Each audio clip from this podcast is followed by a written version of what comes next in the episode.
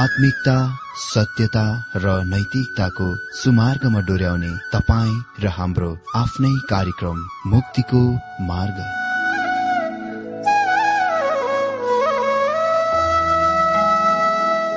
आदरणीय श्रोता यस मुक्तिको मार्ग कार्यक्रममा हार्दिक स्वागत छ आशा छ यस आत्मिक कार्यक्रमद्वारा जीवनमा आत्मिक आशिष अलौकिक शान्ति र आनन्द प्राप्त गर्नुहुनेछ। र जीवनमा धन्य अनुभव गर्नुहुनेछ। आउनुहोस् श्रोता। मन र आत्माको तयारीको लागि यो मिठो अनि मधुर भजन गीत सुनौ।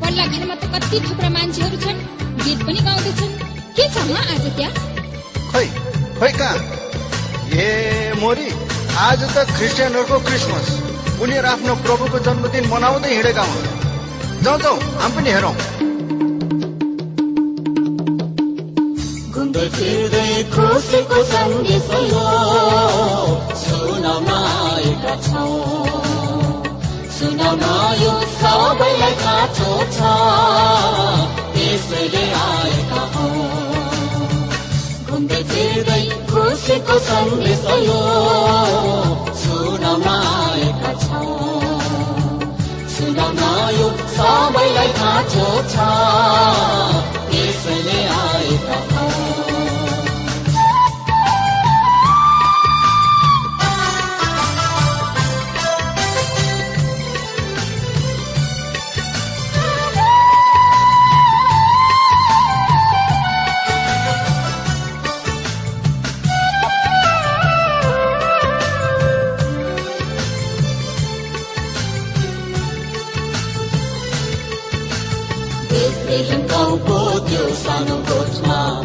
यीशु क्रिस्टको जन्मको पापको मोल तिर्दिन हामी जस्ता पापीको गाउँको त्यो सानो गोठमा यीशु क्रिस्टको जन्म हो पापको मोल तिर्दिन हामी जस्ता पापीको ए भेटी चलना जिउँदो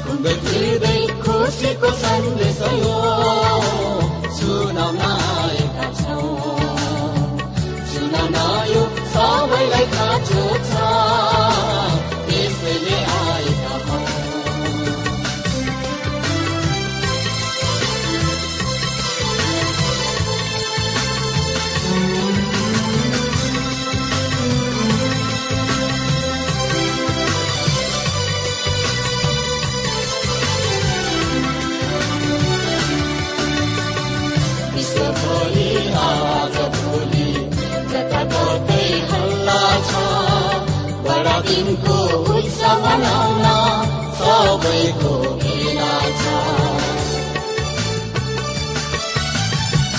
विश्वभरि आज भोलि जताततै हल्ला छ बडा दिनको उत्सव मनाउन सबैको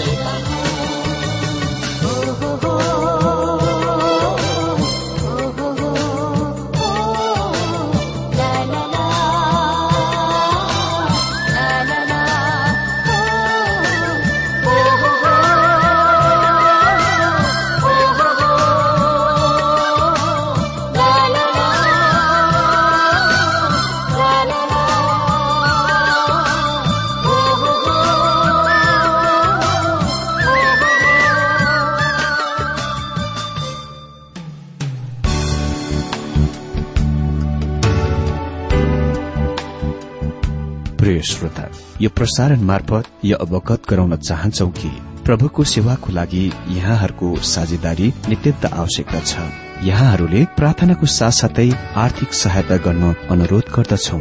तपाईँहरूको सानो भन्दा सानो भेटी किन नहोस्? हामी प्रभुको नाममा स्वीकार गर्नेछौ। प्रभुको सेवाको लागि।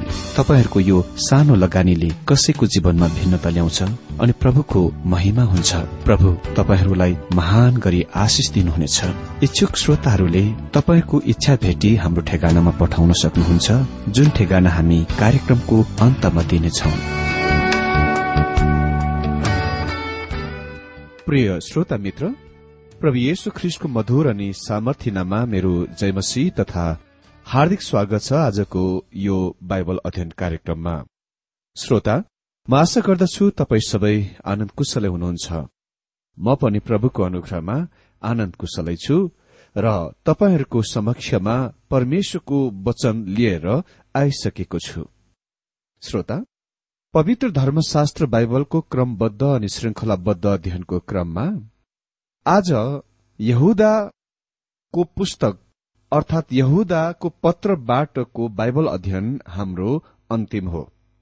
आशा गर्दछु तपाईँले धेरै कुरा यो पत्रबाट यो पुस्तकबाट सिक्नुभयो भनेर। अघिल्लो दिनमा हामीले यहुदा एक अध्यय बीस पदबाट सत्य विश्वास त्यागको समयमा हामी विश्वासीहरूले के के गर्नु पर्दछ भन्ने विषय अन्तर्गत दुई कुराहरू हेरेका थियौं। अनि ती दुई कुरा थियो हामीले आफ्नो अति पवित्र विश्वासमा आफ्नै उन्नति गर्नु अर्थात् अति नै पवित्र विश्वासमा अटल रहनु अनि दोस्रो पवित्र आत्मामा प्रार्थना गर्नुपर्छ।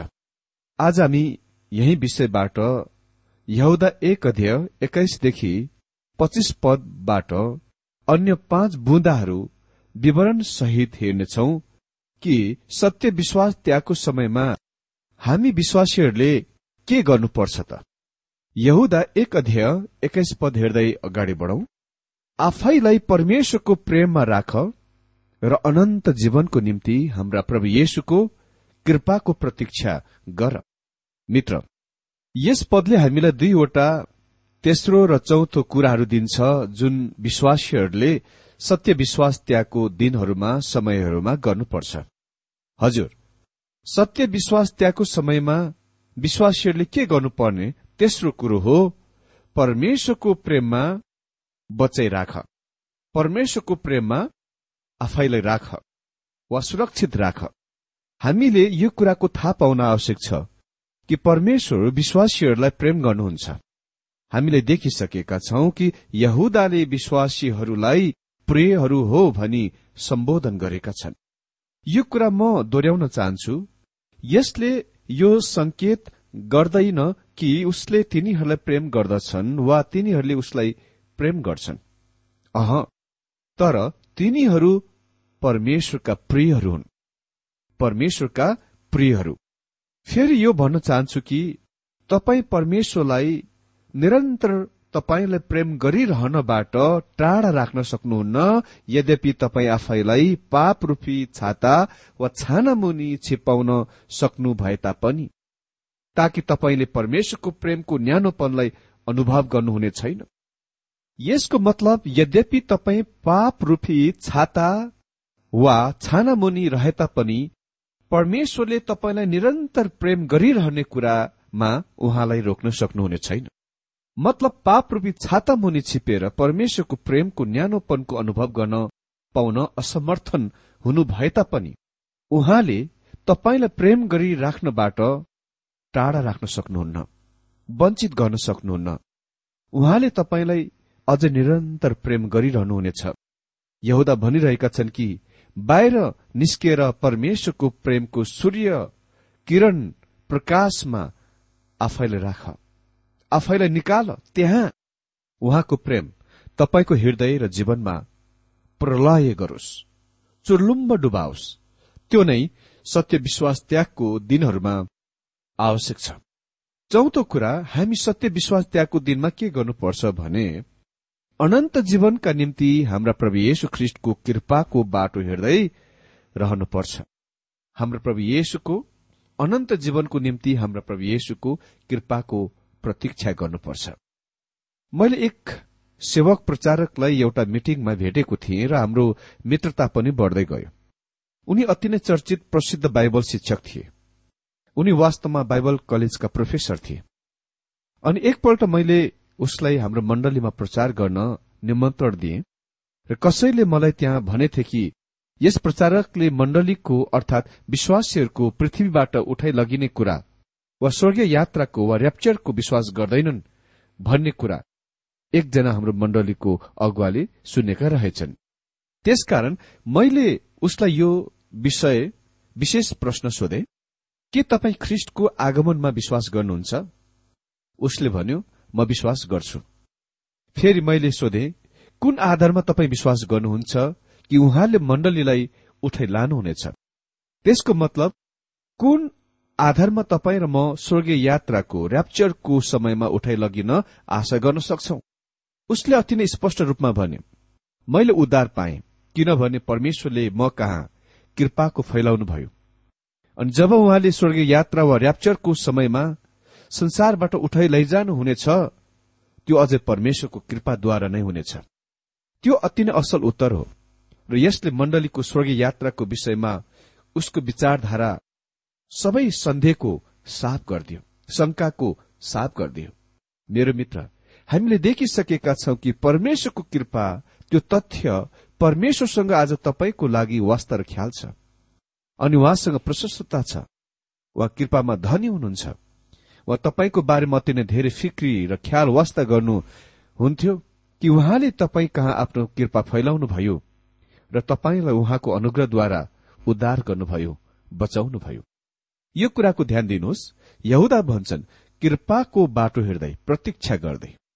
हेर्दै शब्द ग्रिकमा हो सोडे डेचोमाई प्रोस डेचोमाई जुनको अर्थ हो आशा गर्नु पर्खनु। प्रभु येशु चाहनुहुन्छ कि हामी उहाँको पुनः आगमनको लागि आशा प्रत्याशाको मनोवृत्तिमा रहेको जिएको। स्वर्गीय यात्राको समयमा म यो संसार छोड्न आशा गरिरहेको छु र म आशा गर्न सक्छु कि यो मेरो जीवनकालमै घट्नेछ वा हुनेछ। यद्यपि मलाई उहाँको आगमनको ठिक समय थाहा नभए तापनि तर निश्चय नै एक दिन उहाँ आफ्नो योजना अनुसार आफ्नै कार्यक्रममा र समय अनुसार आउनुहुनेछ। र मण्डली जो सत्य विश्वासीहरू हुन् स्वर्गीय यात्रामा उठाइ लगिनेछन्। तर म यस स्वर्गीयमा उठाइ लगिनुको कारण उहाँको कारण उहाँको कृपाको कारण हो। म प्रचारक भएको कारणले होइन। यदि यो म को हुँ सो कुरामा आश्रित भएदेखि म कति पनि यसमा भाग लिन पाउने थिइन। त्यहाँ कुनै कुनै मण्डलीहरू छन् जुनले अंशिक स्वर्गीय यात्रा सिद्धान्तहरू सिकाउँछन्। मतलब खालि अति नै महान आत्मिक पवित्र जनहरू सन्तहरू मात्र त्यस स्वर्गीय यात्रामा जानेछन् भनेर। निश्चय नै तिनीहरू कतिजना चाहिँ महान प्रभुका भक्त प्रभुलाई प्रेम गर्नेहरू मानिसहरू हुन् त्यसमा कुनै सन्देह छैन। र तिनीहरूले सेविकाईमा सेवा गर्दछन् प्रार्थना गर्थे। त्यसको निम्ति परमेश्वरलाई धन्यवाद होस्। तर तिनीहरूको विचार मानसिकता भने यो थियो कि खालि अति नै महान आत्मिक पवित्र जनहरू मात्र स्वर्गीय यात्रामा उठाइ लगिनेछन्। तिनीहरू मात्र जानेछन्। अरू मण्डलीका विश्वासीहरूलाई त तिनीहरूले गन्दै गन्दैनन्। तिनीहरूका विचार यो छ कि तिनीहरू स्वर्गीय यात्रामा जाने छैनन्। मेरो मित्र म तपाईँलाई यो अवगत गराउन चाहन्छु कि जब प्रभु येशुले मण्डलीलाई उठाइ लैजानुहुन्छ प्रत्येक विश्वासीहरू त्यहाँ उपस्थित हुनेछन् संलग्न हुनेछन् र जानेछन्। किनभने प्रत्येक विश्वासीहरू प्रभु येशु ख्रिस्टको कृपाको बाटो हेर्दै रहिरहेका छन्। अनि उहाँको कृपाद्वारा त्यो सम्भव हुनेछ। भनिएको छ एक्काइस पदमा आफैलाई परमेश्वरको प्रेममा राख र अनन्त जीवनको निम्ति हाम्रा प्रभु येशुको कृपाको प्रतीक्षा गर। बाइस पद। दोधारमा हुनेहरूलाई दया देखाऊ। यहाँ हामी पाँचौं कुरा देख्छौ कि सत्य विश्वास त्यागको समयमा विश्वासीले के के गर्नुपर्छ कसैलाई दया गर। मित्र यहाँ लेखिएको छ कि कोही कोही सन्देह गर्नेहरूलाई दोधारमा हुनेहरूलाई दया देखाऊ। यहाँ उल्लेखित कथन आज त्यहाँ धेरै असल इमान्दार मानिसहरू छन् जो सन्देहमा छन् शंकामा छन्। तिनीहरूसँग इमान्दारी पूर्ण सत्य सन्देहहरू छन् र हामी तिनीहरूसँग धीरजी हुनुपर्छ। कोही त्यस्ता विश्वासीहरू हुन्छन् जसका मनहरूमा दिमागमा अझै प्रश्नहरू भएका छन्। तिनीहरू इमान्दारी सत्य सन्देह गर्नेवालाहरू हुन्। हामीले त्यस्ताहरूलाई नझर्किकन धैर्यतापूर्वक सम्झाउनु पर्दछ। तिनीहरूका प्रश्नका उत्तर दिने कोसिस गर्नुपर्छ। र तिनीहरूको निम्ति सधैँ प्रार्थना गर्नुपर्दछ। र एक दिन तिनीहरूका हृदयलाई मनलाई पवित्र आत्माले खोलिदिनुहुनेछ र वास्तविकता थाहा पाउनेछन्। यो मेरो आफ्नो जीवनको अनुभव हो। अनि त्यस पदमा लेखिएको छ अरूहरूलाई आगोबाट तानी निकालेर बचाऊ। कसै कसैलाई दया देखाउँदा होसियार गर। पाप स्वभावद्वारा बिटुलिएका वस्त्र समेत घृणा गर। यहाँ हामी छैटौं कुरा देख्छौ कि विश्वासीहरूले सत्य विश्वास त्यागको समयमा के गर्नुपर्छ भन्दा अरूहरूलाई आगोबाट थुतेर डरसहित बचाऊ। हजुर यसले चाहिँ पापीहरूको संकेत गर्दछ जसलाई हामी असहाय आशारहितका रूपमा विचार गर्दछौ। यो यस्तो देखाइ पर्दछ तिनीहरू कहिले पनि उद्धार पाउने छैनन्। तैपनि मैले यस्ता केही कोही मानिसहरूलाई देखेको छु जो रेडियोद्वारा परमेश्वरको वचन सुनेर ख्रिष्ट कहाँ उद्धारको ज्ञानमा आएका छन्। यहुदाले हामीलाई तिमीहरूलाई नछोड्न नत्याग्न अर्थ दिन्छन्। अरूलाई आगोबाट थुतेर डरसहित बचाउ कस्तो अद्भुत कथन। जकरिया तीनको दुई पदमा हामी यो पढ्छौं परमप्रभुले शैतानलाई भन्नुभयो ए शैतान परमप्रभुले तलाई हकारुन्। यरुसलेमलाई चुन्नुहुने परमप्रभुले तलाई हकारुन्। के यो मानिस आगोबाट निकालेको अगुल्टो होइन र? जब परमेश्वरले यरुसलेमलाई बचाउन इरादा गर्नुभयो उहाँले भन्नुभयो मैले आगोबाट अगुल्ठो निकालिरहेको छु। निश्चय नै स्पष्ट छ कि हरेकले छुटकारा उद्धार पाउन सक्दछ। उद्धार र छुटकारा पाउनबाट वञ्चित कोही पनि छैनन्। यदि तिनीहरू उद्धार र छुटकारा नै पाउन चाहन्छन् भने। अनि सातौं कुरा देख्छौ कि सत्य विश्वास त्यागको समयमा विश्वासीहरूले के गर्नुपर्छ भन्दा शरीरद्वारा कलंकित भएको वस्त्रलाई पनि घृणा गर। यहाँ उल्लेखित शब्द शरीरले मानिसको मनोवैज्ञानिक पक्षको अर्थात मानिसको त्यो भाग वा पक्ष जुन मात्र त्यति टाढासम्म जान सक्छ त्यसको संकेत गर्दछ। उदाहरणको लागि यसले असल संगीतको प्रशंसा गर्न सक्दछ। तर यो परमेश्वर कहाँ ग्रहणयोग्य हुन सक्दैन? हजुर मानिसको यो मनोवैज्ञानिक भागको पक्षको लागि सही शब्दसँग आउने त्यहाँ धेरै प्रयत्नहरू कोशिशहरू भएका छन्। प्राण शब्द पर्याप्त छैन किनभने यसले त्यस कुराको व्यक्त गर्दैन जुन यसले गर्नुपर्ने हो। कसैले यसलाई मानिसको स्वार्थीपन स्वार्थीपन भाग वा पक्ष भन्दछन्? यो असल परिभाषा होइन किनभने कोही कोही मनोवैज्ञानिक मानिस अति नै धेरै उद्धार हुन्छन्। यद्यपि तिनीहरू विश्वासी नभए तापनि चाहिँ यसलाई पशु जनावर भन्दछन् जुन अझ धेरै खराब छ। यद्यपि यी मानिसहरू सामान्यतया निस्वभावको सन्तुष्ट गर्न प्रयास गरे तापनि पशु वा जनावर यथोचित शब्द होइन। अझै त्यहाँ कोही कोही छन् जसले तिनीहरूलाई मानसिक बुद्धिमानी ज्ञानी भन्दछन् जुन सबभन्दा खराब परिभाषा हो। मित्र वास्तविक तथ्य यो हो कि परमेश्वरको सन्तानले शरीरद्वारा कलंकित भएको वस्त्रलाई पनि घृणा गर्नुपर्दछ परमेश्वरले हरेक कुराको प्रयोग गर्न सक्नुहुन्न जुन यो फुच्य प्रचारक शरीरमा गर्दछ। त्यो परमेश्वरको निम्ति प्रतिघाती हो। उहाँ त्यसको घृणा गर्नुहुन्छ। अनि हामीले त्यसको घृणा गर्न सिक्नु पर्दछ। यो यहुदाको सानो पुस्तक यो महिमित आशिष वचनसँग अन्त हुँदछ चौबिस र पच्चिस पदमा अब जसले तिमीहरूलाई पापमा फस्नदेखि बचाउन सक्नुहुन्छ र जसले तिमीहरूलाई आनन्दसहित उहाँकै महिमाको सामुने निष्कलंक प्रस्तुत गर्न सक्नुहुन्छ उही एकमात्र परमेश्वर हाम्रा मुक्तिदातालाई येशु ख्रिष्ट हाम्रा प्रभुद्वारा महिमा प्रभुत्व पराक्रम र अधिकार युग युग पहिलेदेखि आज र सदा सर्वदा भइरहोस्। आमेन। यदि तपाई चाहनुहुन्छ कि येशु ख्रिस्टले तपाईँको जीवनमा पाउनुपर्ने स्थानको विशेष गरेर सत्य विश्वास त्यागको दिनहरूमा त्यो यो अद्भुत आशिष वचनमा छ।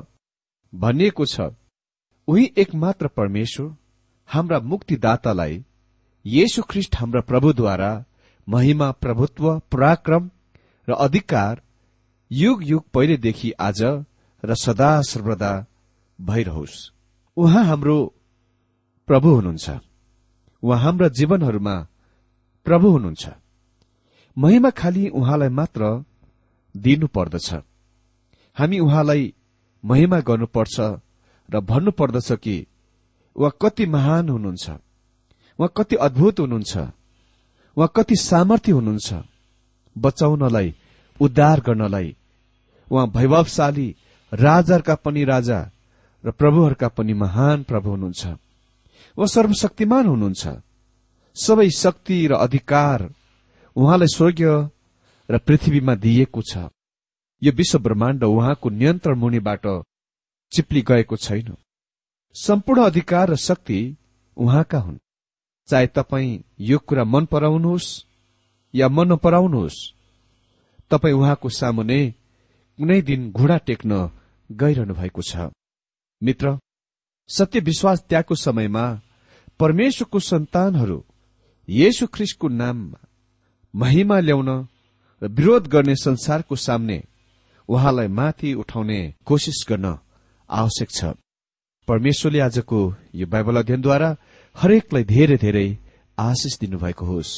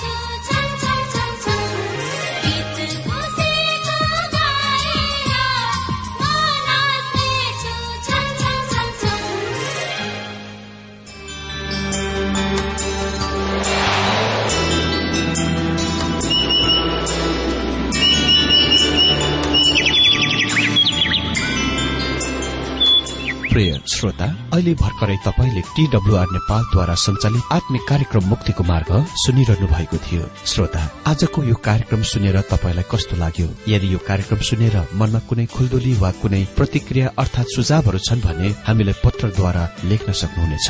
हामी हृदयदेखि नै स्वागत गर्नेछौ स्वीकार गर्नेछौ साथै बाइबल सम्बन्धित प्रचारहरू कार्यक्रम सारणीहरू हामी अनुरोधमा पठाउन सक्छौ। अनि तपाईँसँग कुनै प्रार्थनाको विषय छन् भने हामीले तपाईँको लागि प्रार्थना गरेको चाहनुहुन्छ भने प्रभुमा आफ्नै परिवार सम्झेर हामीलाई पत्रमा लेख्न सक्नुहुनेछ। तपाईँको लागि हामी प्रभु येशुसँग प्रार्थना गर्नेछौ। अधिक जानकारी र पत्रचारको लागि हाम्रो ठेगाना यस प्रकार छ।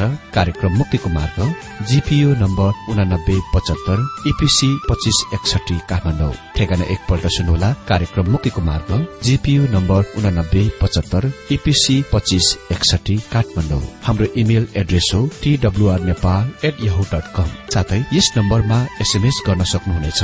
अन्ठानब्बे चार सत्तरी पैंतिस छ सय उनासी नौ आठ चार सात जिरो तीन पाँच छ सात नौ। हुन्छ श्रोता आजलाई हामी विदा चाहन्छौ। अर्को कार्यक्रममा हामी पुनः भेट्नेछौ तबसम्मलाई नमस्कार।